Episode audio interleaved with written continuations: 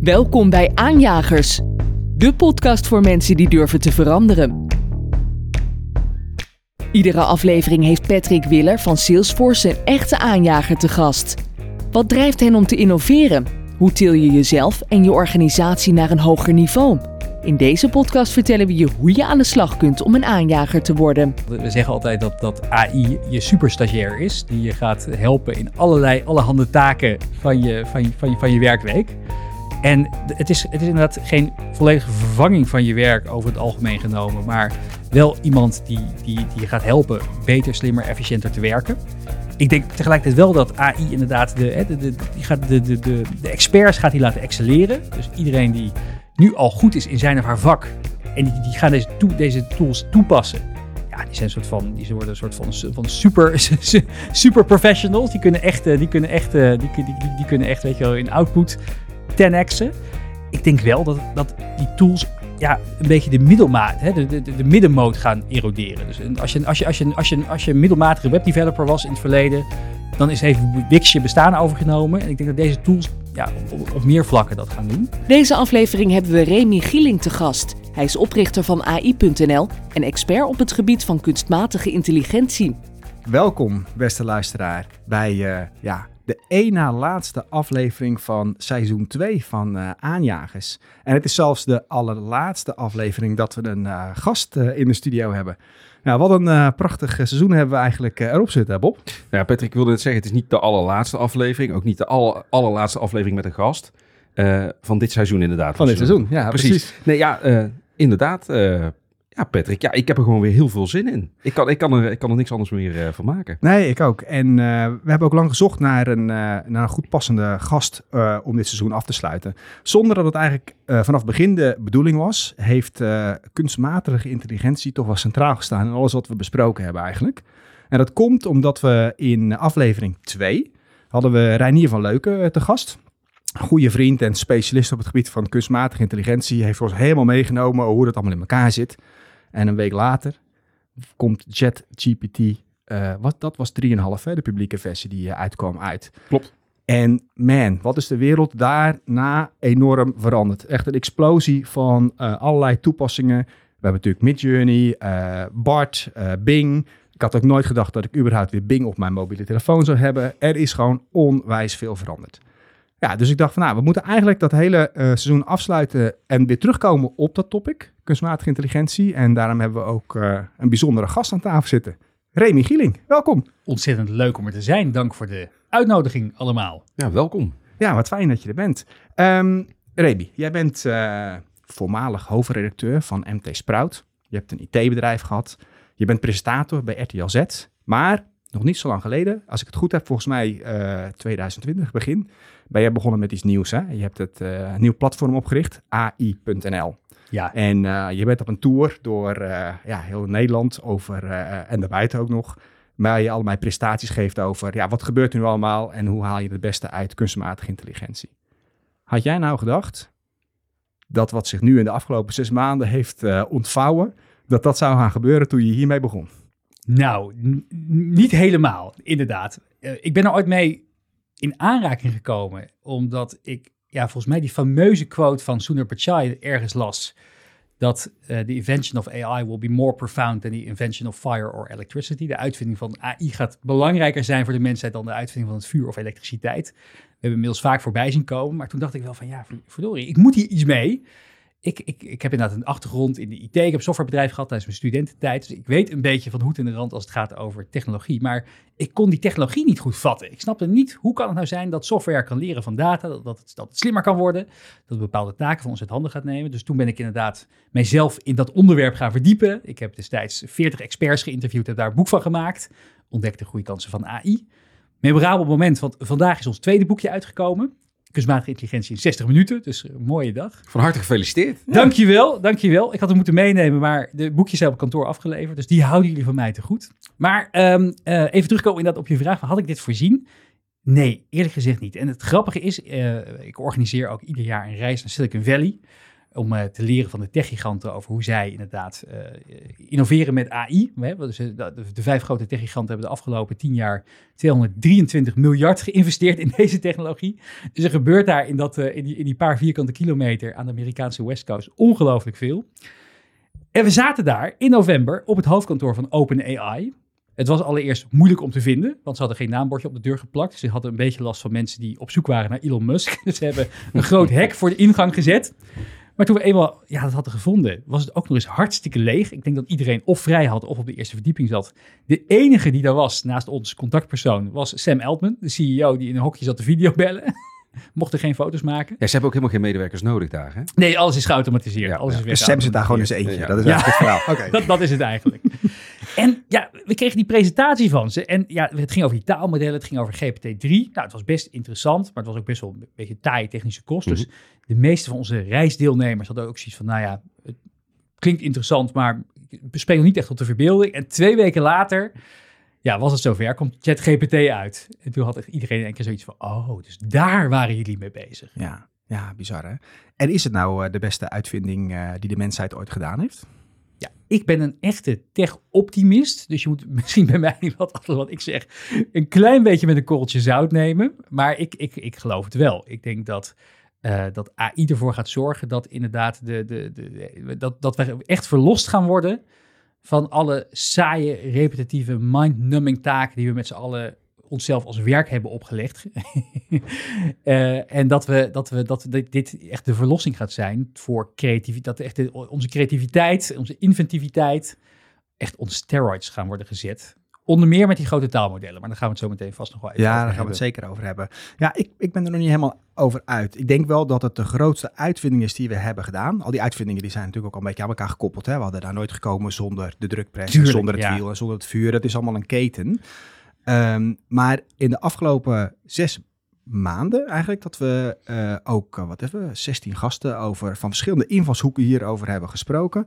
Aan de ene kant al die pracht, wat het kan en al die nieuwe mogelijkheden, maar ook, ook beangstigend gewoon. Elke keer als ik weer een dialoog heb met ChatGPT, dan denk ik bij mezelf, wauw, dit is toch wel meer dan het lijkt als je de theorie bespreekt van een large language model, dan begrijp je een beetje hoe het werkt, maar ja, het lijkt toch wel of het bijna een soort van bewustzijn heeft. Eh, Nou ja, we weten het nog wel. Hè, dat een, een, een, tot drie kwart jaar geleden, toen was er die Google-engineer, Blake Lemoine, die in één keer zei van... jongens, we hebben hier een, intern bij Google een chatbot ontwikkeld, eh, Lambda... Ja. die zelfbewust is geworden. En dat iedereen daar nogal lacherig over deed. Van, ja, het is goed, eh, meneer Lemoine. Hij is natuurlijk ook zijn, eh, zijn, zijn, zijn contract is opgezegd... omdat hij vertrouwelijke documenten had gepubliceerd. Zo erg was hij overtuigd van het feit dat die chatbot...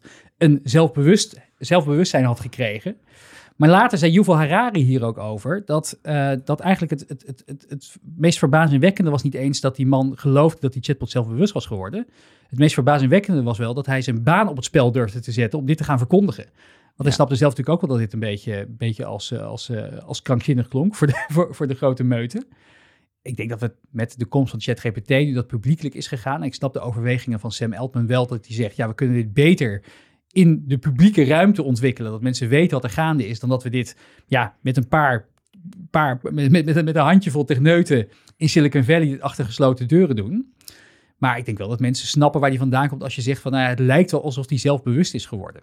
Want hij, ze zijn inderdaad behoorlijk intelligent. En hoewel het onder de motorkap natuurlijk nog steeds gaat over hele geavanceerde wiskunde en statistiek, hoe die uiteindelijk op antwoorden uitkomt, zit er ook wel een vorm van, van reasoning achter. Zit, eh, hij heeft begrip van, van, van bepaalde zaken die, die misschien moeilijk te, te vatten zijn in die, in die, in die, in die research papers Ja, die het, is ongelooflijk als je het model vo- eh, volgt, dat je eigenlijk gewoon het volgende woord kan voorspellen en dan de volgende zin kan voorspellen. En dan uiteindelijk die dialoog kan, lijkt wel of we een soort van stap ertussen geprogrammeerd hebben die, waar niemand wat van weet. Zo Ja. voelt het.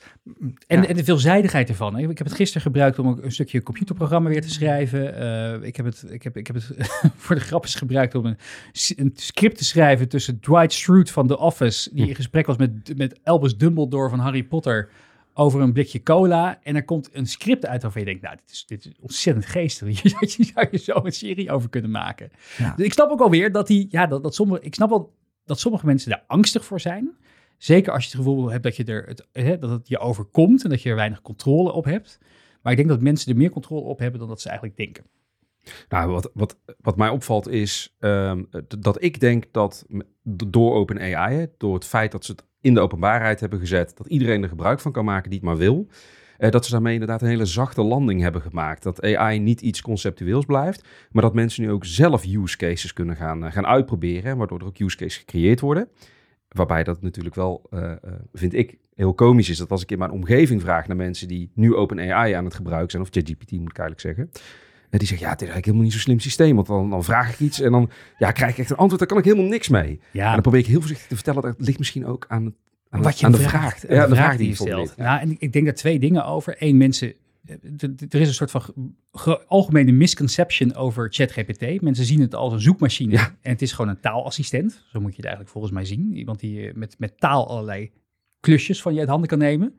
En mensen, ja, die hebben een soort van verwachting van gekregen dat ze eh, alles wat ze invoeren, dat het gelijk 100% goed is. In plaats van dat je tevreden kunt zijn met dat systeem, dat systeem in eigenlijk alle taken die je doet op je, op je, op je, op je, op je keyboard, dat hij misschien wel 20 tot 30 procent tijdwinst kan behalen. Als je het een beetje slim inzet in je, in je werkroutine. Van schrijven van mailtjes, tot het genereren van nieuwe ideeën. Tot het, eh, tot het, eh, tot het eh, laatst ook weer hadden we iemand, iemand had een beetje een vervelende, vervelende mail geschreven. Ik zat daar best wel een beetje over in. Nou ja, vervolgens, ik, ik vraag aan ChatGPT, schrijf een empathische reactie op, deze, op dit bericht. En huppakee, ik heb gelijk een, veel beter, die mail is eruit. Ik heb er gelijk een goed gevoel aan over en de andere persoon ook. In plaats van dat ik er Ja, dan, dan maak je meteen een vliegende start. reactie op geef. wat je net zegt over zoekmachines, daar ga ik wel een beetje op aan. Want het is inderdaad een, een, een co-pilot, een taalassistent. Maar je kan het ook geweldig als een zoekmachine gebruiken. Dat is ook denk ik de reden dat het nu met Bart en met Bing zo hard gaat... dat je daar gewoon in je search eh, een symbiose krijgt tussen... nou, ik zoek iets van een foto, ik kan zelfs een foto uploaden op Bart... en dan krijg ik eh, weer daar eens een, een, een, een, een, een, een soort vertaling van terug... van wat, hoe die die foto geïnterpreteerd heeft. Kan ik daar weer op doorzoeken, kan Ja. dat weer als search engine gebruiken. Het, dat, dat mixt en matcht allemaal met elkaar. Nee, dat, dat, dat is zeker waar. Maar de, de- het fundament van de technologie is nog steeds gebaseerd op wiskunde en statistiek. En niet op het weergeven van feitelijke stukjes kennis die die op het internet is tegengekomen. Daar is nu verandering in gekomen. Nu eh, voor de betaalde gebruikers, ook in Nederland, eh, webbrowsing eraan toe is gevoegd. Dus dat Ja. kan je dan aanvinken hè, in GPT-4. En dan zet webbrowsing aan. En dan vraag ik inderdaad, goh, wat kan je me vertellen over, over, eh, over, over, de pod, over een bepaalde podcast? En dan gaat hij zoeken. En dan geeft hij op basis van wat hij vindt, gaat hij antwoorden geven. Maar in de basis, dat taalmodel is niet een zoekmachine. Het gaat Nee. gewoon antwoorden geven op, op, op ja, de meest ja, voor, voor bepaalde mate van voorspelbaarheid. En daarom kwam het dus vaak voor dat mensen aan ChatGPT vroegen van... joh, wat kan je me vertellen over mijn naam? Eh, bijvoorbeeld jezelf, Remy Gieling. En dat er dan allemaal ja, vreemde hallu- ja, die hallucinaties kwamen. Dat, Ja. dat, en, en, en daarom zeiden ze, ja, het systeem is dom en ik kan het nergens voor gebruiken. Want ik weet niet of die... eh, hij kan niet feit of fictie van elkaar onderscheiden. Dus ik weet niet wat hij zegt of dat klopt. Dus ik kan het überhaupt niet gebruiken. En dat is natuurlijk totale onzin. Je kan het voor heel veel dingen gebruiken. Maar ga dan niet in primaire vorm, totdat die webbrowsing kwam, gebruiken als zoekmachine. Want dan, Nee, ja, je, Ja. Weet, je weet gewoon niet 100% zeker of het klopt. Nou, en nu eh, wordt de, de kracht pas eh, echt unlocked, om maar eventjes in goed Nederlands te spreken. Als ik de data van mijn organisatie kan koppelen aan eh, ChatGPT. en dus gewoon heel specifiek in mijn organisatie kan gaan kijken wat ChatGPT voor mij kan betekenen. Ja, dat vind ik echt iets, dat gaan we, daar gaan we de komende tijd zoveel van zien. Ik ben heel benieuwd eh, eh, als we dadelijk een mooi grafiekje kunnen krijgen van hoeveel ondernemingen, bedrijven gebruik gaan maken van OpenAI. En, hoe, en degene die het niet doen in dezelfde markt, wat daar het Ja, verschil in gaat benchmarking, dat wordt super. Zo ja, benieuwd. heel interessant. En natuurlijk, eh, OpenAI, eh, sorry, OpenAI is een van de vele die deze technologie maken. We hebben eh, eh, Llama van Meta, open source model. Eh, we hebben Palm van Google. We hebben, nou ja, we- er zijn, zijn veel andere partijen ook op dit, dit vlak bezig. Ik denk dat OpenAI op dit moment nog wel de cutting edge heeft. Eh, dus ze besteedt er ook veel tijd en, aandacht aan, gelukkig. Maar het, leuke is inderdaad om met elkaar hele handige use cases te gaan bedenken. Dus ik had van de week had ik een, eh, met een investeerder zat ik en die had het probleem dat ze ehm 50 eh, ja, eh, investeringspitches kreeg van, van startups. Die, die, ja, die, die wilden weten of ze in, in hun concept wilden, wilden investeren. En ja, 99 van de 100 keer is het gewoon niet interessant. En ze had gewoon een vast antwoordje van dank voor je eh, pitch deck, we zijn niet geïnteresseerd. Ja. Komt niet heel vriendelijk over natuurlijk, als iemand heel veel tijd heeft bes- besteed om jou persoonlijk een bericht te sturen. Dus ik had een, een prompt, uh, uh, een prompt interface voor gemaakt, gekoppeld inderdaad aan, aan, aan OpenAI's GPT, GPT 3,5 model. Met daarin van schrijf op basis van deze mail, en dan kon ze een, een, de mail invoeren, een empathische reactie waarin je enorm bedankt voor de tijd en moeite, maar dat je zegt dat het op dit moment niet, niet relevant is. En dan kon je nog een paar, paar variabelen invoeren. En er kwam dan steeds een hele, ja, een hele vriendelijke mail kwam eruit, waardoor ja, de, de, de, sympathie waarschijnlijk voor dat fonds ook gelijk omhoog ging. Ik denk dat zo'n use case, dat dat inderdaad op, op, op, op plekken in organisaties te verzinnen is. En dat je daarmee inderdaad, het, het ja. we gaan gewoon veel, veel leuker met elkaar communiceren. Ja, en, veel efficiënter. En, en, die zie je ook overal geïntegreerd worden. Hè? Want dat is wat Google natuurlijk nu ook heeft. Je hebt nu al de feature dat je, als je een mailtje tikt je komt er niet even uit, ja, dan heb je Bart en dan wordt het hele mailtje gewoon voor je. Uh, eerst had je alleen maar een paar woorden die aangevuld werden of een soort uh, correctie als je een spellingfout maakt. En nu wordt je hele mail en dan kan je gewoon zeggen, ja, meer empathisch of juist niet minder empathisch. En dan uh, heb je dat in één keer. En wat jij net zei, die fine-tuning, dat, dat, dat je inderdaad die, die, die, die grote taalmodellen zijn op alles, alles, alles getraind. Dus ja, qua, qua, qua tone of voice en qua inhoud is het ook soms een beetje vlees nog vis. Als je dat gaat hertrainen op in alle content die in je organisatie zit. En hij leert enerzijds de kennis die je als organisatie hebt, maar ook hè, hoe communiceren wij met elkaar, met onze klanten. Ja, dat wordt echt wel de volgende game changer. Daar, kijk ik enorm naar uit. Ja, zoveel zwarte vlekken die dan, uh, denk ik, blootgelegd gaan worden. Echt, uh, mooie nieuwe dingen waar je in kunt gaan stappen. Hè. Dus op, nu weet je als organisatie, omdat je natuurlijk, je bent organisatie, mensen werken er al een x aantal jaar, zijn vastgeroest in bepaalde patronen. Hoe mooi kan het zijn als je daar gewoon een systeem met eigenlijk een, een, een, een nieuwe blik naar kan laten kijken. En gewoon kan zeggen, dit zijn nou de gaps die we tegenkomen en zo zou je het kunnen invullen. En als je nou wat verder in de toekomst kijkt, uh, dit is een redelijk evidente case die we nu veel zien, die je nu net noemt. Maar uh, wat zijn nog meer echt hele grote maatschappelijk relevante dingen waar dat echt het voordeel is van uh, deze technologie? Ja, ik denk dus dat taalmodellen echt, echt inderdaad een van, de, een van de hele vele use cases zijn. Als je breed kijkt naar het, naar het spectrum kunstmatige intelligentie en, en wat heb je als organisatie eraan, dan, dan hebben wij bij AI.nl in ieder geval altijd de filosofie dat je, dat je het voor drie manieren kunt toepassen als, als bedrijf.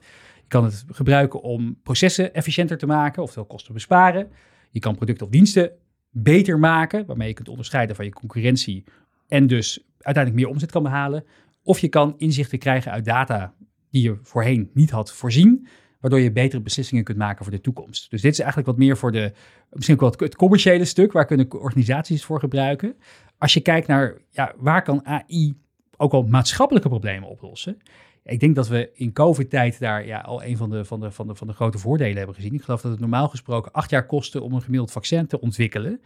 En ik denk niet dat het zonder machine learning modellen was gelukt in, uh, in 12 tot 24 maanden tijd om dit voor elkaar te krijgen op deze schaal. Ja. We hebben natuurlijk ook gezien met DeepMind, het, het, was een prachtige bedrijf uit, uit Londen, die het voor mij de, alle, alle, de hele human genome heeft gesequenced en ook allerlei open source modellen heeft beschikbaar gesteld voor onder andere medicijnonderzoek. Ik denk dat we het kunnen gaan inzetten om inderdaad de energieproblematiek te gaan oplossen. Ik denk dat we kunnen gaan inzetten om uh, uiteindelijk, als je het goed gebruikt, om, om maatschappelijke ongelijkheid kleiner te maken. Maar goed, ja, er moeten wel uiteindelijk nu ook wat ethische kaders voorkomen. En ik denk dat het wat dat betreft ook goed is dat er nu in de Europese Unie langzaam maar zeker toch die uh, AI-act erdoor komt. Ja. Zodat we wel met elkaar, uh, dat in ieder geval de, de, de, de, bedrijven die hier opereren, kijk, we kunnen niet, niet zeggen over wat, wat ze in China aan doen zijn, maar de bedrijven die hier opereren binnen de Europese Unie, dat die toch wel aan bepaalde minimale eisen moeten voldoen om deze technologie wel op een goede manier in te zetten. Ja, en dat gevoel van urgentie uh, zie je toch ook wel bij uh, regeringsleiders. Ze pakken dat toch wel wat anders aan dan dat ze dat met social media deden, heb ik het uh, idee. Ja, um, al denk ik het wel dat het een beetje voor de verkeerde redenen nu is. Ik denk dat het heel erg angstgedreven is. Dus die, ja. hè, de, de, die oproep die een tijdje terug is gedaan door Elon Musk, Steve Wozniak, Yuval Harari, dat de, de technologie gepauzeerd moet worden. Ja, Geoff Hinton. Max de... Tegmark zat er ook achter, geloof ik. Hè? Die, met die, met, je bedoelt met die brief waar, ja, die waar we een paar maanden moesten pauzeren. Die moeten pauzeren. Ja. Uh, nu laatst ook weer Geoff Hinton, die was gestopt bij Google. Die zegt van, ja, ik ga me waarschuwen voor de gevaren. Dat ik echt denk, man, je hebt uh, 25 jaar van je leven besteed aan het ontwikkelen ervan. Uh, en, en, nu trek je je handen ervan af. Als je, nou als je het echt zo eng vindt, ze komen, komen, dan, ze komen ook wel tot ontdekking dat, wat, wat de kracht ervan is natuurlijk. Ik bedoel, zo'n Max Tegmark, als die, als die zegt van, het is goed om even op de pauzeknop te drukken, dan, dan heeft hij wel die van mijn aandacht. Eh, dat is niet de minste die dat dan zegt, bijvoorbeeld. Nee, ik vind die aandacht op zich ook wel terecht. Kijk, dit is wel een, het heeft wel gezorgd dat, die, dat, dat de aandacht van die wereldleiders op is gekomen. Ja. Maar de aandacht gaat er nu wel voornamelijk naar uit dat, dat, dat over, over een, ja, voor nu nog, toekomst, het, nu gaat, het gaat voornamelijk over een toekomst waarin we dus toch kunstmatige superintelligentie hebben ontwikkeld. En dat die inderdaad, eh, dat we met z'n allen willen weten dat als dat moment komt, en het is nog steeds een, science fiction verhaal, want de, de, de, technologie daarvoor is gewoon nog niet ontwikkeld. Dat is echt Jan LeCun, de, uh, de chef van AI van Meta, van Facebook, die, die, die, die ageert daar ook heel erg voor. Die zegt, ja, het is een beetje een, semantische discussie, want het is gewoon nog niet zo ver. We doen net alsof we al kunstmatige superintelligentie hebben. Dat is gewoon nog niet zo. Nee, maar ook voor het niveau wat we nu al hebben, is bepaalde wetgeving wel handig. We hadden hier uh, uh, een paar weken geleden Sanne Duivenstein uh, te gast. Nou, die ken je natuurlijk ook wel. Die heeft een, een heel populair boek geschreven over echt nep. Um, en die heeft ons ook op een reis meegenomen over dat het heel erg moeilijk is voor mensen om te kunnen onderscheiden. Ja, wat is nou nog echt en wat is nou niet echt? En het is denk dat stukje waar we bepaalde wetgeving of in ieder geval meer kennisdeling nodig hebben, zodat mensen realiseren wat, wat, er, ja, wat nou nog echt uh, berichten zijn van een president of, of op social media, et cetera. Nee, dat is, dat is ook helemaal waar. Tegelijkertijd is, kijk, de ontwikkeling die erop gaande is, is gewoon niet te stoppen. Dus we, we, hadden we al jaren geleden kunnen bedenken, het gaat nu wat sneller dan we hadden nou, dat, voorzien. Ja, dus zes maanden stoppen vind ik ook zo. Ja, dan vraag je zes maanden stoppen, ja, en dan? Dan, en dan? zes maanden een soort van pauze genomen. En dan gaat het daarna hetzelfde tempo weer door. Hè? dus dat, hoe lang wil je stoppen? Ik vond dat ook dat ja. ja. En mensen zijn heel slecht in het herkennen van netbeelden. Computers zijn daar toevallig weer, eh, die excelleren daar weer in. Dus hè, Twitter, Twitter en alle andere sociale media moeten gewoon een AI-filter gaan inbouwen. Dat als ze zien dat een afbeelding is gemaakt, mede gemaakt door een AI of een voicebericht is mede gemaakt door een AI of een video is ja, aangepast door een AI, dat daar in ieder geval meldingen van wordt gemaakt. Ja. Dat kunnen ze als geen ander namelijk. Dus ik denk dat dat de eerste stap is. En ik denk dus ook dat het heel goed is dat, dat, er, dat er wetgeving op komt. Het is een beetje alsof we, een, hebben de auto ontwikkeld, maar de, de, de, de veiligheidsgordel is nog niet verplicht gesteld. Nou, die, komt, die wordt nu uiteindelijk verplicht gesteld, gelukkig. Maar het wordt nu wel in stroom, stroomversnelling gezet, omdat heel erg alleen maar angst gedreven. En ik denk dat het ook goed is dat ook de, de, de mensen die hier beslissingen over moeten maken, niet uit het oog verliezen de ontzettend veel positieve dingen die we, die we ermee kunnen doen. En dat wel meenemen in hun overwegingen. Ik, ik, ik, als we het over deze, uh, dit onderwerp hebben, uh, schiet de hele tijd uh, het gezicht van, uh, um, oh, hoe heet hij nou, de oprichter van Facebook. Help Mark mij. Zuckerberg. Mark Zuckerberg, zijn gezicht schiet me even te binnen. Dat, oh, dat tegen, is een mooi beeld, tegenover die konk. Nou, dat is verschrikkelijk. maar nou, ligt eraan wat je, wat je voorkeur natuurlijk is. Maar heb je zo'n, dat... hoekige avatar van Meta in je hoofd? Of was een echte... nee, nee, zijn echte hoekige avatar gezicht. En dat hij tegenover die congresleden zit die allemaal nou, redelijk stoffig zijn. En hij moet gaan uitleggen hoe dat Facebook of hoe dat wifi werkt. En dan, en dan Oh, denk ik, ja. als ik dat ga plotten op, op wereldleiders die met elkaar afspraken hierover moeten gaan maken. Ik ben het met je eens, er moet een raamwerk nu staan. Maar dat raamwerk moet dus niet specifiek op de techniek toegespitst zijn. Maar juist op wat willen wij als samenleving. Ja, ja, precies. Want wij zijn, die, die, die technologie ontwikkelt zichzelf niet. Ja, het, wordt wel het wordt wel geholpen nu, maar de, de fundamenten worden gewoon door mensen ja, gemaakt en bepaald en beslist. En uiteindelijk is, is de AI gewoon de assistent daarin. En kan volgende week weer helemaal anders zijn. Ja, en om een voorbeeld te geven, ik denk dat ik, denk dat, ik voorzie hier namelijk de komende tijd ook nog veel wetgeving over. De zelfrijdende auto. Kijk, in Nederland word je vaak nog voor gek verklaard als je zegt dat er dingen zitten komen. Loop door San Francisco heen en Cruise, Waymo, Zoox. Ze hebben allemaal zelfrijdende taxidiensten door die straten rijden. Die hebben miljoenen miles aan taxiritten afgelegd een no-brainer. Gaat Ja. er gewoon komen. Ja. zonder, hè, met, met, met, met, met 70% minder ongelukken of serieuze ongelukken dan mensen dat normaal gesproken zouden doen. Ja, ik, zie het, ik, ik, ik, ik voorzie het dat er een keer wel een serieus ongeluk gaat komen met zo'n ding. En dat zegt de CEO van Cruise zelf ook. Ja, het is niet de vraag of, maar wanneer dat een keer gaat gebeuren. En dat mensen allemaal moord en brand schreeuwen en die dingen willen gaan verbieden. Ja. Dus daarbij denk ik ook weer, oké, we moeten wetgeving, eh, ethiek, superbelangrijk. Moeten we met z'n allen ook scherp op zijn. Maar we moeten niet ons doodstaren op alleen maar de negatief mogelijke, eventuele negatieve gevolgen. Bij de Ja. eerste gewonde als er een eh, Amazon drone die een pakketje Ja. gaat bezorgen neerstort eh, op Dat- iemands hoofd. Hè? Ja, dan is het ook Ja, meteen maar dan vertrekken we dat, trekken we het helemaal uit context natuurlijk. Ja. Dat gaat zeker gebeuren. Ja.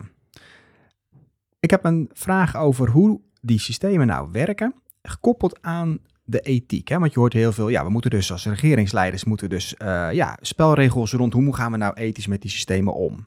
En als je kijkt naar Chat eh, GPT, Large Language Model, maar er zitten een aantal extra regels aan, waardoor die bijvoorbeeld niet automatisch uh, gaat discrimineren. Ja. Hè, omdat als hij alle teksten op het internet leest, uh, dan, dan, dan gaat hij concluderen, bijvoorbeeld omdat er veel meer teksten zijn geschreven, uh, een, een, een, verschil tussen mannen en vrouwen.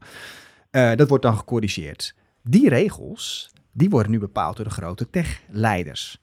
Um, mijn eerste vraag eigenlijk is, klopt het mijn aanname dat het zo werkt of werkt dat op een andere manier? Nee, klopt, klopt. Het is uh, wel leuk, klein, klein stukje onder de motorkap inderdaad. Ja. De, de, deze grote taalmodellen komen, nou, de, we hebben de oorsprong in 2018, de zogeheten transformer modellen. Uh, een prachtige research paper, Attention is all you need, geschreven door de mensen van Google Brain. Die, die, die zitten daar eigenlijk achter, dus dankjewel Google voor het uitvinden van, uh, van, van, dit mede mogelijk te maken.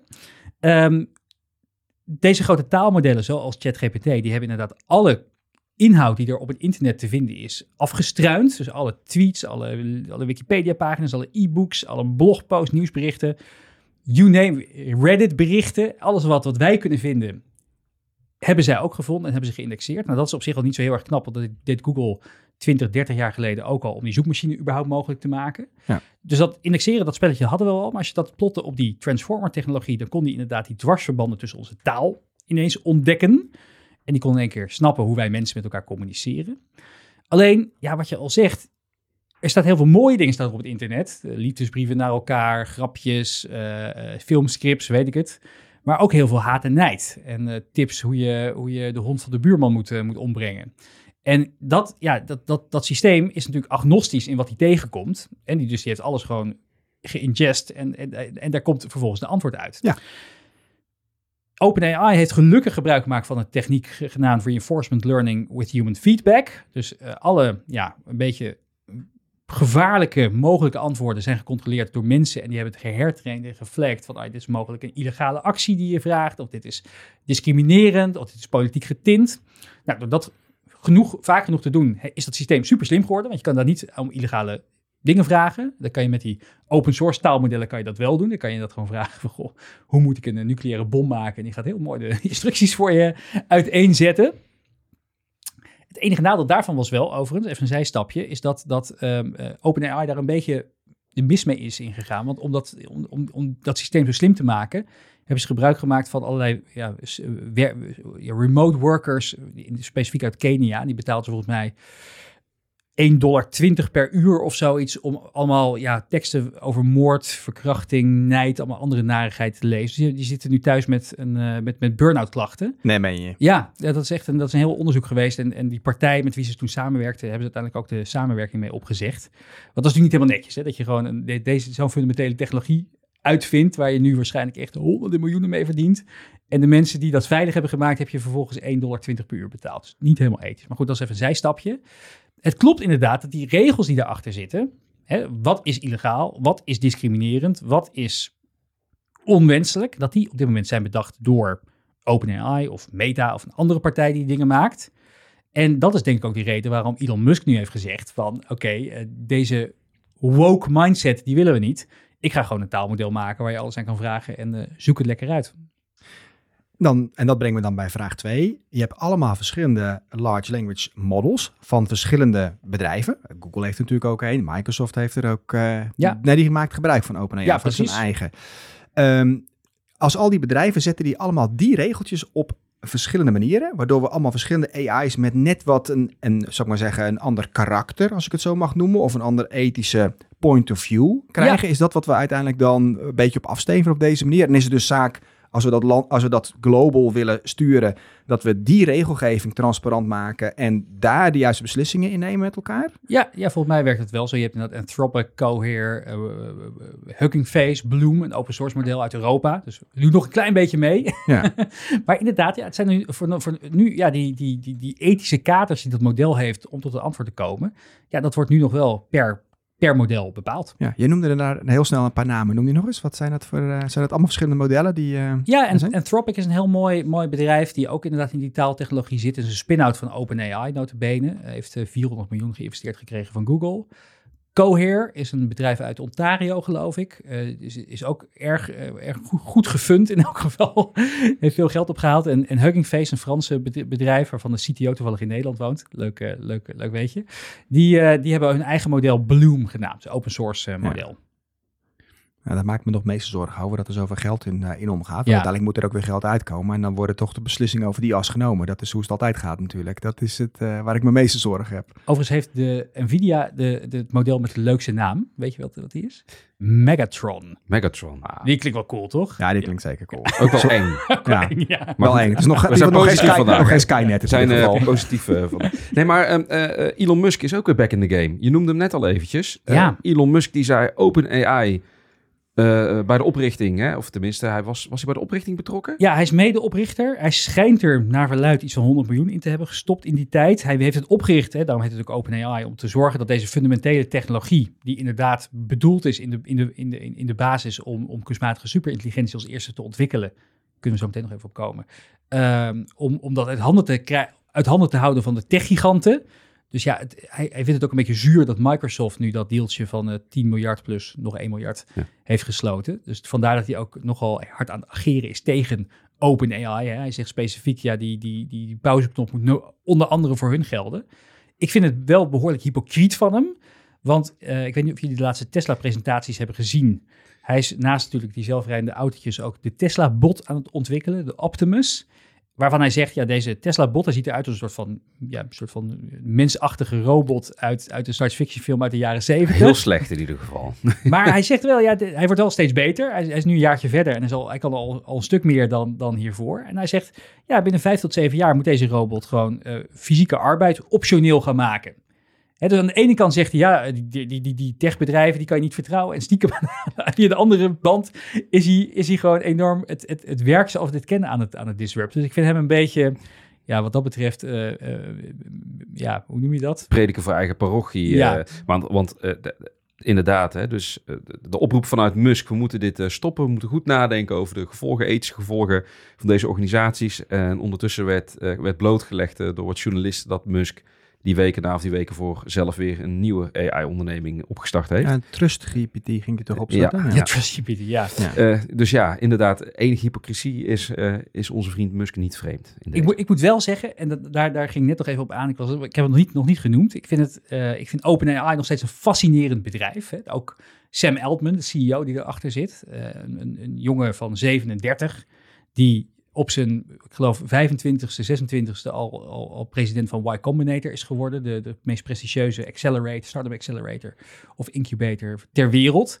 En hij, uh, um, hij, is, hij is fascinerend om een aantal redenen. Eén, hij heeft 0% van de aandelen in OpenAI. Dus hij, hij, leidt het bedrijf met, met verven, kunnen we wel zeggen. Ja. Want zonder hem was die investering van Microsoft er nooit gekomen. Um, en hij zegt zelf van, nou ja, weet je, ik heb, het, ik heb mijn, uh, ik, heb mijn ik, ik, zit er al warmpjes bij, financieel gezien. Dus ik, hoef, ik doe dit niet meer voor, uh, voor de poen, wat ik op zich een nobel doel vind. Hij krijgt voor mij 65.000 per jaar aan salaris, omdat hij dan zijn uh, zorgverzekering kan, kan, kan betalen. De andere interessante is dat hij laatst een interview heeft gegeven aan de New York Times. En in de ene laatste, sowieso fascinerend artikel, moet je echt hebben gelezen. Maar in de ene laatste alinea staat even in de bijzin wat voor grote onvers onverschrokken doel hij heeft voor OpenAI. En dat is? Hij zegt in dat artikel, en ik kan nog steeds niet geloven dat je dit dus tegen een journalist vertelt, al geloof je het. Maar hij zegt, ja, uh, ons, uh, mijn, mijn, mijn missie voor OpenAI is dat wij dus als eerste die kunstmatige superintelligentie gaan ontwikkelen. Uh, dat we daarmee een systeem hebben, ja, wat, wat eigenlijk alle bedrijven kan outcompeten. Ergo, waardoor wij dus een slimmer systeem hebben dan alle andere bedrijven, waardoor wij als eerste bedrijf alle welvaart van de wereld naar ons toe gaan trekken. En wij gaan dat vervolgens herdistribueren aan de mensheid. Ja, nou dat zijn nou precies de dingen waar mensen een beetje angstig van worden. Nou, ik dacht, ja, dat is niet voor ja, ook al denk je, dit is niet handig om dit nu in, de, in deze woorden te vertellen. Zou We want to rule the world.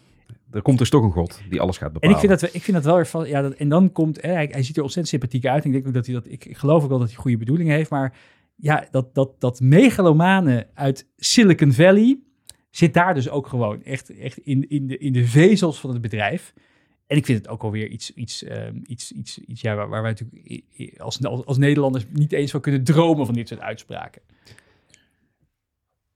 Ja, je moet je doelen toch ergens stellen. Ik bedoel, je moet je lat ergens stellen. Ja, ja kom op uh, jongens. Ik bedoel, het kan niet zo zijn van als ik een vraag stel... dat er een fatsoenlijk antwoord komt. Nee, het moet wel ergens naartoe leiden. Nou ja, uh, dan make no small plans... for they have no power to steer the soul. Precies dat. En, en Elon Musk hetzelfde. Hè. En, uh, um, ik vind, Zonder... een beetje, ik vind het erover na te denken hoor. Dat is, ik, zie, uh, ik het, zie het. Het is uh, live verslag. Ik, ik vind het ook wel een beetje naïef, denk ik, om want als we inderdaad in staat zijn om AGI te maken, om dan te denken dat je zo'n vorm van controle daarover hebt. Dat is nou juist waar ik denk van nee, dat is dat.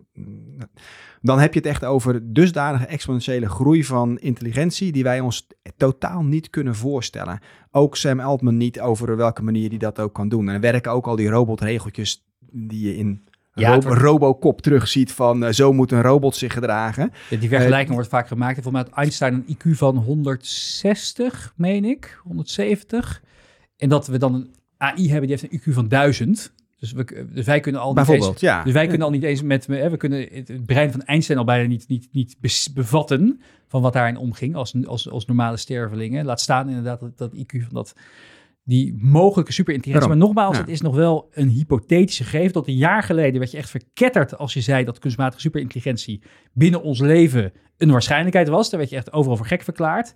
En tegenwoordig word je voor gek verklaard als je zegt dat je denkt dat het niet gaat gebeuren. Dus de, de, de, ik vind dat er wel heel snel een kanteling daarin is, ge, is Ja, nou ja, wat we de afgelopen zes maanden hebben gezien is natuurlijk, we hebben even geproefd. Tenminste, ik heb heel erg geproefd aan wat nou die exponentiële groei precies is. Je hebt het heel vaak vroeger gehoord. Ja. En nu zie je het gewoon voor je ogen, zie je het voltrekken.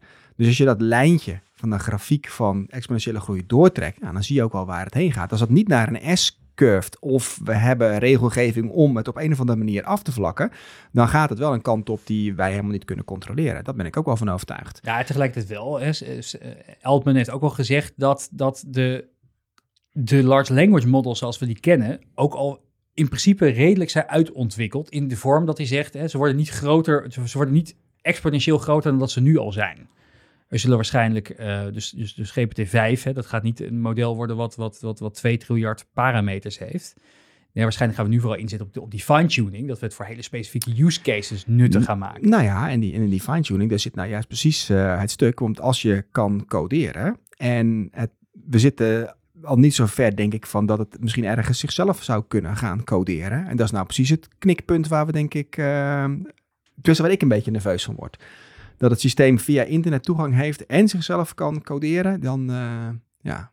Ja, wat zou toch heerlijk zijn dat ik je als... te veel naar Terminator gekeken. Nee, nee ja, ik zit alleen maar te denken, want het is een beetje Coca-Cola. Als je als Coca-Cola het geheime ingrediënt van Coca-Cola hebt, uh, dan heb je toch net wat meer uh, in handen. En ik denk dat dat ook geldt inderdaad voor OpenAI. Um, aan, de, aan de andere kant ben ik ook wel heel, heel benieuwd hoeveel energie kost dit allemaal. Hè, om uh, al deze systemen draaiende te houden. Het is, ik hoor uh, nu al van gebruikers dat bijvoorbeeld uh, ChatGPT 4 al iets langzamer reageert en op piekmomenten ook wat lastiger heeft om, om, om te blijven genereren. Um, misschien dat we daar wel tegen een limiet aan gaan lopen, jongens. De uitstoot hiervan is echt gigantisch. Ik, ik verbaas me erover dat niet meer mensen hier zich druk over maken. Ik had laatst een, Stanford heeft ieder jaar een heel gaaf AI-onderzoek. En een van de slides daarover ging inderdaad over, over de uitstoot van, van die large language modellen. En die hebben het afgezet inderdaad tegen gemiddelde, hè, de uitstoot van een gemiddelde auto en een vliegtuig, et cetera. Ik had daar even een postje over gemaakt op LinkedIn, omdat ik het inderdaad ook al een beetje zorgwekkend vind. Wat, uh, wat, wat voor uitstoot het met zich meebrengt. Eén één query in, in, in, in ChatGPT is, is, is factor 100 keer vervuilender dan een Google search bijvoorbeeld. En we gaan het nu, nu zo integreren in de vezels van internet dat ik me wel een beetje afvraag van, goh, we zijn de, de, de aarde nog wel even een, een, een, een tiende graad erbij aan opwarmen volgens mij. Maar ik dacht dat iedereen gaat nu, gaat nu op de brug springen van, oh, oh, wacht eens even, dit is dus inderdaad, dat, dat, dit is zorgwekkend.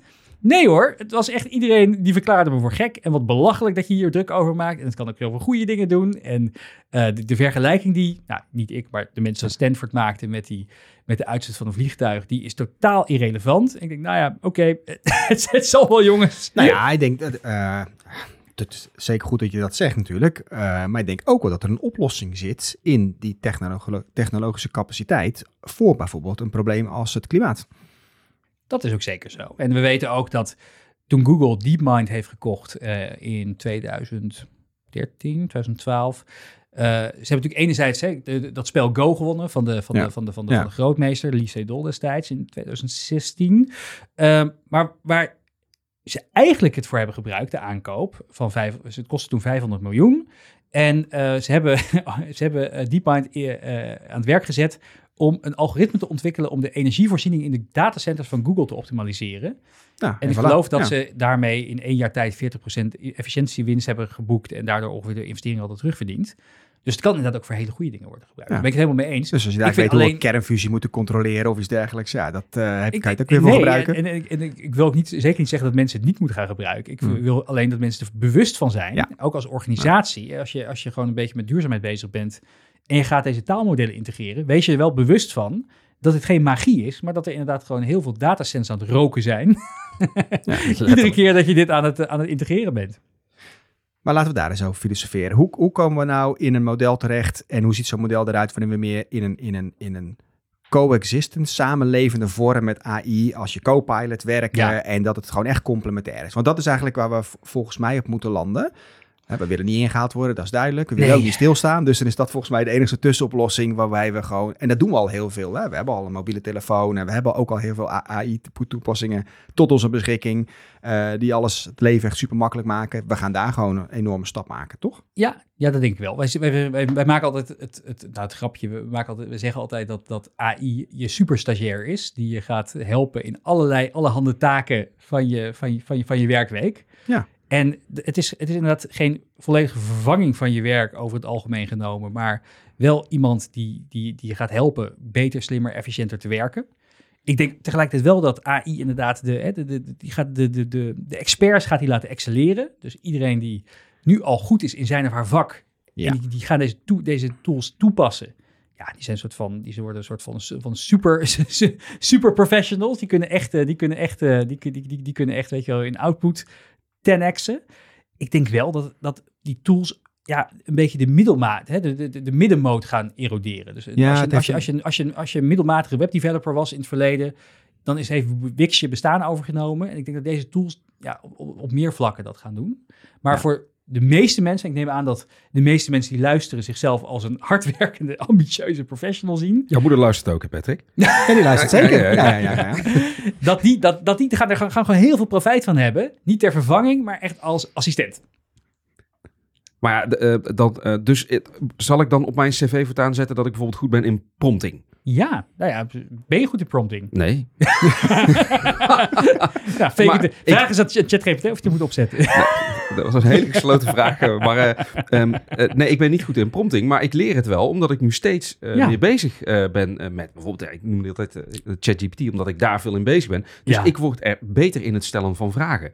Dus beter in prompting. Ja, en voor de, voor, even, nog even voor de context, inderdaad, prompting is het, de opdracht die je geeft aan, aan taalmodellen of aan, aan imagegeneratoren.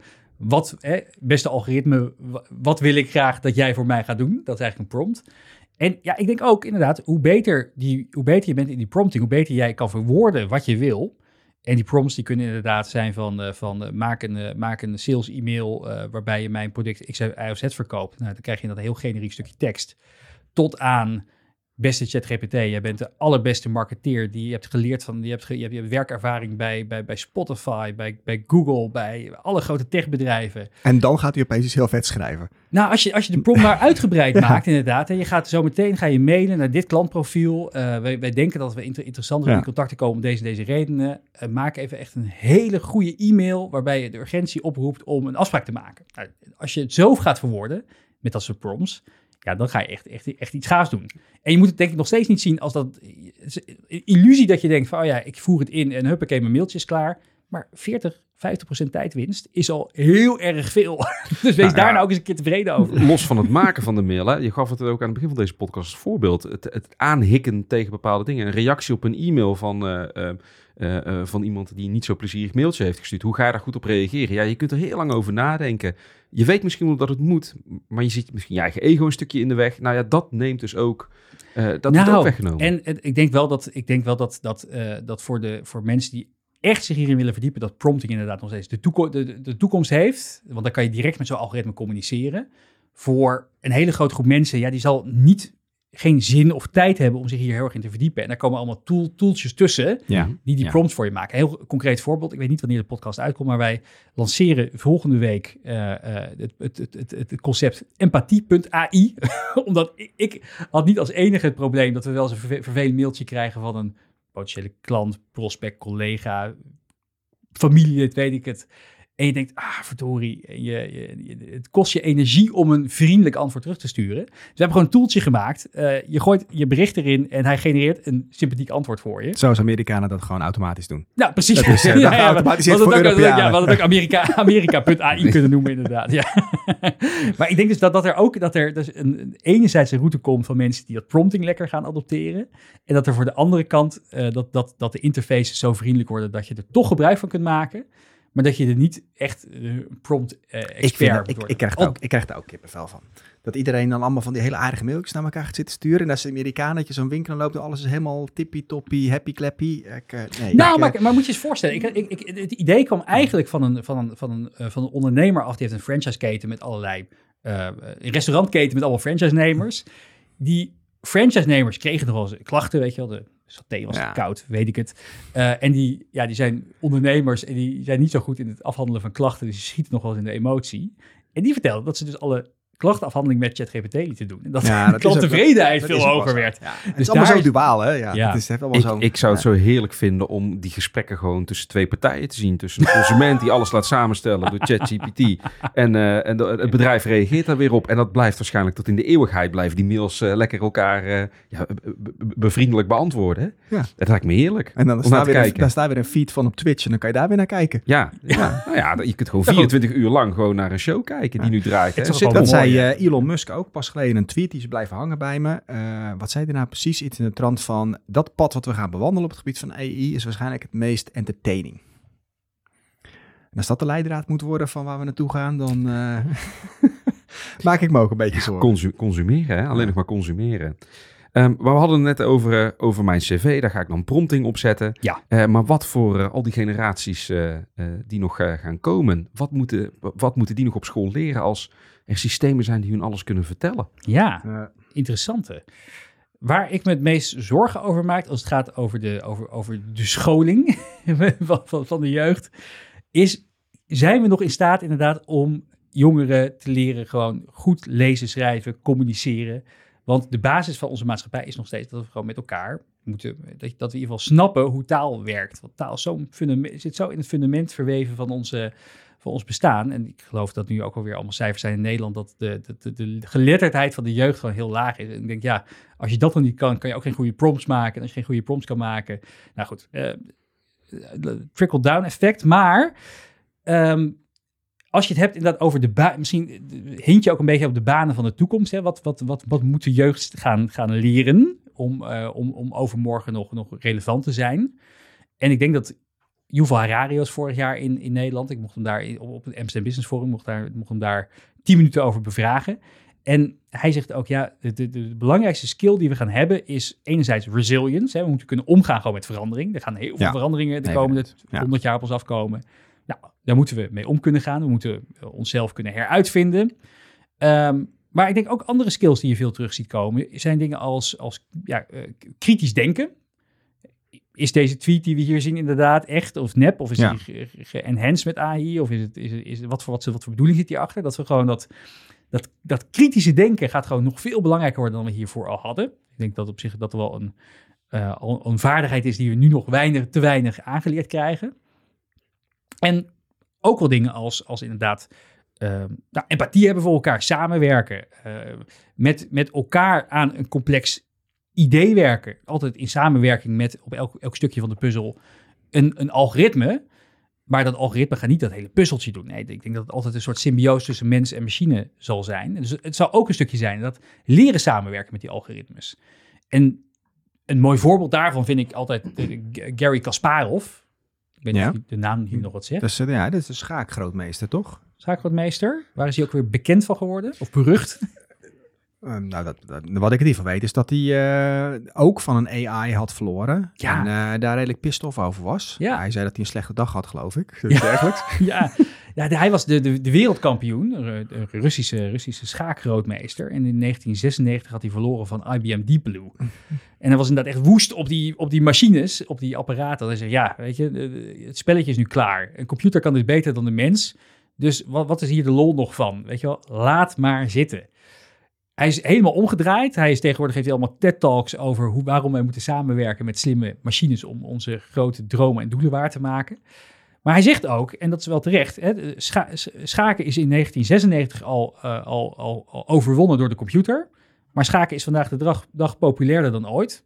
We kijken als mensen nog steeds liever naar een potje mensen die schaken dan naar twee schaakcomputers die gewoon een potje aan het doen zijn. Dus wij mensen vinden nog steeds die, die, die, die ja, die, die, ook die, die, die, die, de, de, de gebreken van de mens zien we gewoon heel graag terug. Jij zegt wel iets heel interessants daar eigenlijk inderdaad.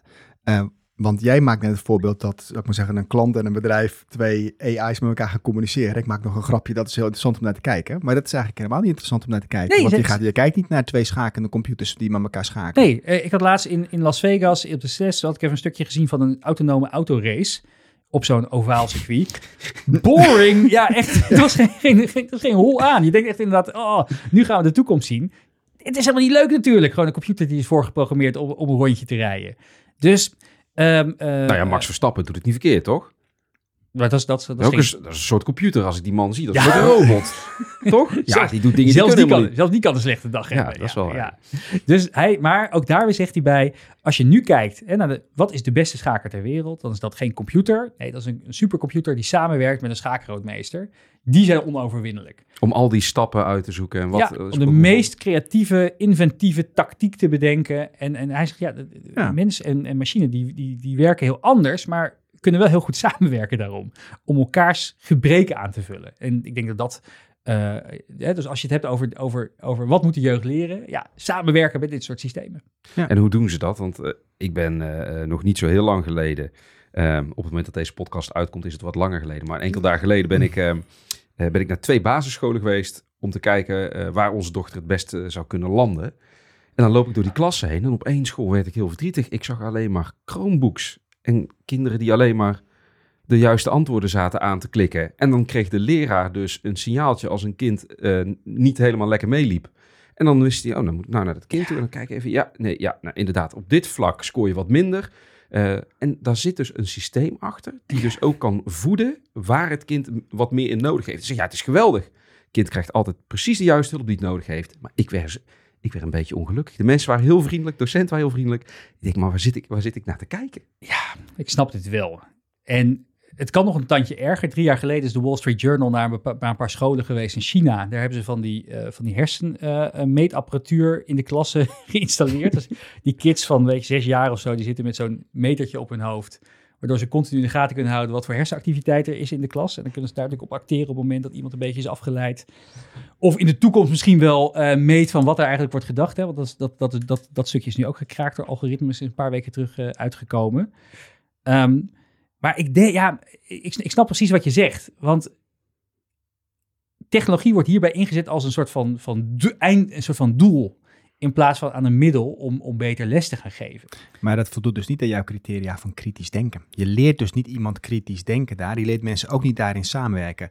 Ik denk, ik denk dat er niet zoveel mis is op zich met heel specifiek op een persoon afgerichte uh, kennisontwikkeling. Want daar is AI denk ik wel goed in. Maar dan moet je dat wel doen dat kritisch denken aanleren daarin. Dat voordat je een kind aanleert, maar gewoon hersenloos overal op te swipen en te klikken. Wat nu toch al zo omnipresent is. Ja, ik denk dat het uh, met name, het gaf mij het gevoel inderdaad dat de techniek leidend is. Uh, maar iets anders wat ik, uh, wat ik ook constateer is dat het eigenlijk voor de docenten maakt het het leven makkelijker. En dan denk ik, moet dat het doel zijn? Nee, Ik denk dat dat een van de doelen moet zijn. En ja, op een andere school zeiden van, nou, het zijn wat klassieker. Wij, uh, wij schrijven heel veel, want als je goed leert schrijven of begrijpend lezen, dan uh, en je, en je, schrijft het op papier, dan onthoud je het beter. Hè? Leer je ja. samenwerken, met elkaar kijken. Ja, er moet een mix van zijn. Hè? Het ene is niet per se uh, het beste of het andere, maar dat, dat een Chromebook zeg maar een doel aan zich is of een ja. iPad-school bestaat. Dan denk ik, ja, dat, het gaat om techniek. Het, nou, dat, ja, precies, precies. Je moet mensen leren meer menselijk te worden. Niet, niet om een soort, niet om een soort, soort robot te worden. Die, die, die, die hebben er al voldoende. Nee, een cyborg, toch? Ja. Want het is een beetje een tussenvorm. En, Klinkt, klinkt en- ook niet echt gezellig. Maar nu ga ik wel even, nu ga ik even heel hoog over filosofisch eh, met jullie, met jullie denken. Ik zit de laatste tijd wat meer dat ook over te denken. Inderdaad, hè, wat, is nou, wat is nou echt die toekomst? Wat nou- ik, ik ben heel erg enerzijds bezig met het hier en nu. Dus hoe kunnen we de technologie vandaag de dag gebruiken om onze bedrijven wat beter te maken? Ja. Want dat vind ik gewoon leuk. Eh, Hoe kunnen, we, hoe kunnen we efficiënter, beter werken met deze tooling, met elkaar? Hè, op lange termijn gaat het natuurlijk ook over die transformatie. En ik, ik, ik denk er op dit moment in ieder geval heel erg aan dat hoe paradoxaal het ook klinkt, dat deze technologie ervoor gaat zorgen dat die bedrijven veel menselijker gaan worden in de toekomst. Want eh, alles wat, je, wat, wij, wat, wat jij als bedrijf kunt automatiseren, moet je natuurlijk doen, hè, efficiëntiewinst, maar kan een concurrent uiteindelijk ook automatiseren. En als op, op een gegeven moment alles wat er maar geautomatiseerd kan worden, geautomatiseerd kan worden, ja, wat is dan nog je onderscheidende vermogen? De mensen, de cultuur, de, eh, eh, met wie je werkt, met hoe je dat doet. Of die waarden van het bedrijf matchen met die van jou. Of ze ook heel innovatief zijn, of juist misschien wat meer, terug, meer, wat meer conservatief als je dat, als je dat, als je dat eh, waardeert. Dus ik denk dat die bedrijven van de toekomst, ja, die, die robots die gaan inderdaad al die, al, die, al die randvoorwaarden doen, of een groot deel daarvan. En we gaan ons onderscheiden door die, ja, door die, door die cultuur, door die mensen. En ik, denk- ik, denk, ik denk dat dat op zich ook alweer een hele hoopgevende toekomst is. Dat- Nou, daar dat- ben ik helemaal met je eens. Wat kunnen bedrijven doen om zich goed voor te bereiden op die lange eh, termijn transformatie die je nu schetst? Ja, ik denk dus dat het twee, tweeledig is. AI is niet één ding, maar het is een, het is een paraplu-term. En je kan het opsplitsen in, in twee spoortjes die parallel aan elkaar lopen. Enerzijds die korte termijn adoptie. Hè, wat kunnen we vandaag de dag al doen? Anderzijds transformatie. Waar, waar staan we in 2027, 2030? En dat, zijn- dat zijn hele leuke gedachte-experimenten. Van hoe ziet de maatschappij er dan uit? Wat is onze rol dan? Hoe, zien, hoe ziet het concurrentieveld er mogelijk uit? Een stukje scenario planning zit daarin. Maar er zit ook in inderdaad van hoe kunnen wij ons met, met data en machines en, en hoe, hoe, hoe, hoe kunnen mensen misschien ook wel weer hè, de, de, de, aanvulling zijn op, op, de, op, de, op de processen, in plaats van dat we de mensensec de processen laten uitvoeren. Ik denk dat Picnic heeft het heel mooi laten zien dat het kan. Picnic heeft ze opgericht in 2015, hè, dus eh, niemand dacht toen nog dat er een concurrent voor Ahold of Jumbo zou komen. Uit Nederland tenminste. We keken allemaal... Zonder fysieke winkels. Ja, we keken allemaal naar, naar, naar, naar Amazon. Met, eh, met dat we dachten, nou, die komt misschien nog wel de concurrentiemarkt aan. Ja. Nee, ja, betrekkelijk kleine start-up van een, paar, eh, van een paar hele slimme ondernemers. Die hun sporen al verdiend hadden. Die dachten, ja, we gaan de supermarkt, online supermarktbranche pakken. Maar ja, we kunnen niet concurreren met die, met die duizenden mensen die daar op kantoor zitten. Nee, dus we moeten alle processen moeten we zoveel mogelijk automatiseren. Slim zijn de beslissingen die we maken. Dus dat, dat, die, dat data en, en, en, en automatisering is at de core gedreven met het Summum, die fantastische robot-distributiecentrum wat ze onlangs hebben geopend. Om het eerste geautomatiseerde supermarktdistributiecentrum van Europa. 100 miljoen heeft het gekost, maar kunnen ze zeven keer efficiënter hun boodschappen mee uitleveren. Ja, dat, dat, dat, die, dat die mindset, Ja. dat dat iets is waar iedere organisatie echt wat, eh, wat mee kan. En het begint gewoon met een heel leuk, eh, eh, met een, met, met, met, met- gewoon met elkaar in een ruimte gaan zitten. En dat Ik gedachte-experiment vind dat een heel mooi voorbeeld. Heb je misschien ook een voorbeeld van een bedrijf wat een transitie door heeft moeten maken? Kijk, Picnic startte meteen Digital Native op deze manier. Dat zie je bij veel eh, organisaties die dan in één keer een digitale wereld of AI makkelijk kunnen omarmen. Maar hoe kom je nou als je al 50 jaar bestaat als organisatie? En hoe maak je zo'n verandering dan door? Heb je daar ook een voorbeeld van, van een organisatie die het goed heeft gedaan? Ja, ik denk dat je op meerdere manieren kan, kan, kan, kan, kan plotten. Eh, een bedrijf van een vriend van me, Hello Print, die heeft, heeft, heeft een hele mooie use case toegepast. Het is een, een, een drukwerkbedrijf uit Rotterdam, die opereert in heel veel landen. En zij hadden gewoon een heel concreet probleem, namelijk, ehm, eh, zij doen drukwerk, dus ze kregen allemaal bestanden geüpload. En heel vaak waren die bestanden op een van een relatief lage, of een niet, niet, niet, ja, de kwaliteit was niet goed genoeg om het kwalitatief af te drukken. Nou, dan moest er iemand van de klantenserviceafdeling moest er weer een mailtje over sturen. En dat duurde weer even voordat die bestanden waren opgevraagd. Dus dat had best veel tijd in handen. Ehm, en nu hebben ze gewoon een AI-tooltje gevonden die afbeeldingen supergoed kan upscalen. Dus eh, eh, upload jij een logo met een te lage resolutie voor op je mock, pen, eh, eh, banner, dashboard, weet ik het. Eh, dat, dat systeem aan de, onder, onder, onder de motorkap, ja, die automatiseert dat. En kan je 60% van je klantvragen kan je in één keer, heb, je in één keer, heb, je, heb je in één keer weggeautomatiseerd. Ja. Door adoptie van heel simpel tooltje. Dus dat is één, dat is één ding. Als je het hebt over misschien wat meer, inderdaad, wat meer transfor- transformationeel. ehm, eh, transformationele, ja, ehm, ja, fase. Maar goed, daar zitten we dan nog steeds in. Want het- het- het- we zijn nog niet uitontwikkeld. Nee, zeker niet. Dan denk ik dat er toch heel veel be- grote bedrijven zijn die stiekem gewoon heel goed bezig zijn. Ik denk een mooi voorbeeld Schiphol is. Een van mijn favoriete voorbeelden ook. Schiphol had ook een heel, die heeft als, als missie om in 2050 het, voor het eerste eh, autonome luchthaven ter wereld te zijn. Dus zij, eh, en waar ze zeggen niet, we gaan alle mensen wegautomatiseren. Nee, we gaan alles geautomatiseren wat we kunnen automatiseren. Dat is het uitgangspunt. En eh, een van de voorbeelden die ze daarbij hebben gemaakt, heet de Deep Turn, dat systeem. Wat gebeurde er? Schiphol had eigenlijk te weinig inzicht in eh, waarom vliegtuigen vertraagd waren. Een vliegtuigen die zijn af en toe vertraagd, maar ja, waardoor komt dat en kunnen we dat misschien wel gaan voorspellen? Nou, dat is natuurlijk heel, is, dat is normaal gesproken heel moeilijk. Wat hebben ze gedaan?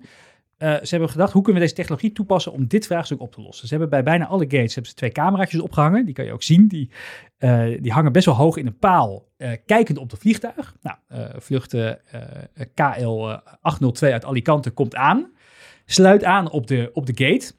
Die cameraatjes die houden iedere actie die om zo'n vliegtuig gebeurt, vanaf het moment van aansluiting tot vertrek, houden ze bij. Dus ze, ze hebben een eigen systeem ontwikkeld om op die afbeeldingen te kunnen herkennen van nou, de brandstoftruck komt aangereden, brandstoftruck wordt aangesloten, cateringtruck, eh, schoonmaak, you name it. Voor mij zijn er iets van 70 events te bedenken. En door dat systeem te bouwen en dat systeem te trainen, wat echt een helskarwei was overigens, eh, hebben ze er nu voor gezorgd dat ze eh, met, ehm, met grote mate van zekerheid 30, 40 minuten voor tijd kunnen voorspellen of een vlucht vertraagd gaat worden, omdat ze hiccups in het systeem geautomatiseerd herkennen. Nou, enerzijds, die, die camera's hangen heel hoog in de boom, omdat ze in die palen, zodat ze geen gezichten kunnen herkennen, privacyvriendelijk. Data is echt allemaal van hunzelf, ze hebben dat zelf getraind. En het is niet alleen handig voor de passagiers, die kunnen op de hoogte worden gesteld dat een vlucht waarschijnlijk vertraagd is. Het is handig voor de planners, die kunnen kijken van, oh ja, een binnenkomende vlucht die eigenlijk op die plek had moeten staan, die moet nu naar een andere plek worden geroute. Maar het is ook een gewoon een nieuw verdienmodel geworden, want ze kunnen deze Ja, software nu ja. aan andere luchthavens gaan. Ja, ik vind het een heel pakkend, pakkend voorbeeld eigenlijk. Ja, waardoor het alleen maar beter wordt. Hè? Want ik zat net te denken, ja, je bent niet afhankelijk van je eigen eh, terminal of je eigen vliegveld. Je bent afhankelijk van al de vliegvelden die om jou heen zitten, die gaan landen bij jou, Ja. of waar je naartoe gaat. Ehm, dus en je bent een mooie use case om, eh, om het eh, idee te verkopen, maar ook je systeem wordt alleen maar beter als je al die processen kunt mappen van al die vlieg, eh, of die, al die havens, die vluchthavens om je heen. Ehm, ja, heel mooi voorbeeld. Ik had niet gedacht dat ik nog dit jaar positief over KLM zou denken. Ja. Maar Schiphol, oh, Schiphol. Schiphol, sorry, Schiphol, KLM, pardon. Ja. Schiphol zou denken, ja. ja mooi. Ja, ik vind het ook een heel mooi voorbeeld. Als je nou als aanjager ehm hiernaar zit te luisteren en je bent toch wel geïnspireerd door alles wat je vertelt, heb je misschien wat eh, tips op het gebied van mensen die je kan volgen op Twitter of boeken die je kan lezen, influencers? Eh, noem er eens een paar. Zij zitten ze wel in de show notes, waar je denkt, ja, die moet je gewoon even Zeker. volgen, want eh, dan blijf je gewoon goed bij. Ja, als je een podcast wil volgen van twee echte kenners die het ook nog eens heel leuk kunnen vertellen, is het wel Hard Fork van de New York Times, Kevin Roos en ehm, ehm, ehm, van Platformer. Casey Newton, Mhm. die, iedere week vertellen ze over, over de ontwikkelingen, meestal van kunstmatige intelligentie. Heel erg leuk om naar te luisteren. Ik denk dat een aantal boeken, ja, eh, ik ben, ben boekenfanaat, dus nu, nu ga hem krijgen. Nee, enerzijds is, is eh, het boek eh, AI Superpowers van Kai Fu Lee, is denk ik een hele goede. Ja. Gaat heel erg over de... Hè, de- Heb ik de- ook gelezen. Ja, Ja, de, hele goeie. de wapenwedloop, de AI-wapenwedloop tussen China en de VS. En waarom wij als Europa bij het niet meer meedoen. Is ook al paar jaar een oud. paar jaar oud, maar nog... ja. 2016, Ja. 17 Ja. of zo. Dat is knap eigenlijk, Ehm, dat je dan nog steeds relevant bent. Want dat gaat Ja. of- eh, vaak van die businessboeken, komen ze een beetje out of context. Maar eh, Ja, hij heeft later ook een nieuw boek gemaakt, eh, eh, 2042 of zo heet dat. Eh, Een beetje meer, meer hoogtheoretisch zitten allemaal verhaaltjes over mogelijke toekomst in. Of niet, voor wat minder. Eh, Max Tegmark, je noemde hem al eerder eventjes Live 3.0, Leven 3.0. Beetje een gezapige titel, maar goed boek. Ook ook in 2017 komt hij. Eh, Genius Makers, heel mooi. Gaat over de mensen die eigenlijk aan de, ja, aan, aan, de, aan, de, aan de basis stonden van deze technologie. Dus ook voor niet-techneuten techneuten een heel leuk boek om te lezen. Dat gaat inderdaad over hè, wie is nou die Geoff Hinton, wie was nou uiteindelijk, of wie is Jen LeCun of eh, Andrew, Andrew Ng. Eh, heel, ook een heel goed boek. En misschien nog eentje. ehm welke was nog meer? Oh ja, de, de, de AI First Company. Als je echt even wil weten van wat, hoe, wat, wat voor manier van mindset kan ik nou denken over om AI in mijn bedrijf te integreren, is wel een wat meer technisch boek. En het is denk ik ook alleen maar echt voor bestuurders interessant of CTO's. Dan eh, heb je die nog, de, de AI First Company. Ja, we kunnen natuurlijk hier uren over doorpraten. Ja. En eh, er zijn nog heel veel dingen nog eh, onbesproken gebleven. En ik weet zeker dat we, de- als we de volgende keer weer spreken, dat er weer heel veel nieuwe cases zijn. Eh, stel nou, ik heb nog één laatste vraag aan je. Als we nou op niet al te lange termijn toch die AGI gaan bereiken. En jij bent weer op een tour in, in de US. En je krijgt de gelegenheid om daar mee te converseren. Wat vraag je dan? Oh, wat een leuke vraag. Ehm, ja, de open deur is natuurlijk wat... eh, wat, wat, gaan, wat gaan de aandelen Salesforce doen overmorgen? wat vragen we dan? Ehm, is 42 echt het antwoord op alles? Ja, super. Super bedankt. In de volgende aflevering kijken Patrick en Bob terug op alle gasten en hoogtepunten van seizoen 2. Ga voor meer verhalen over echte aanjagers naar salesforce.com/aanjagers.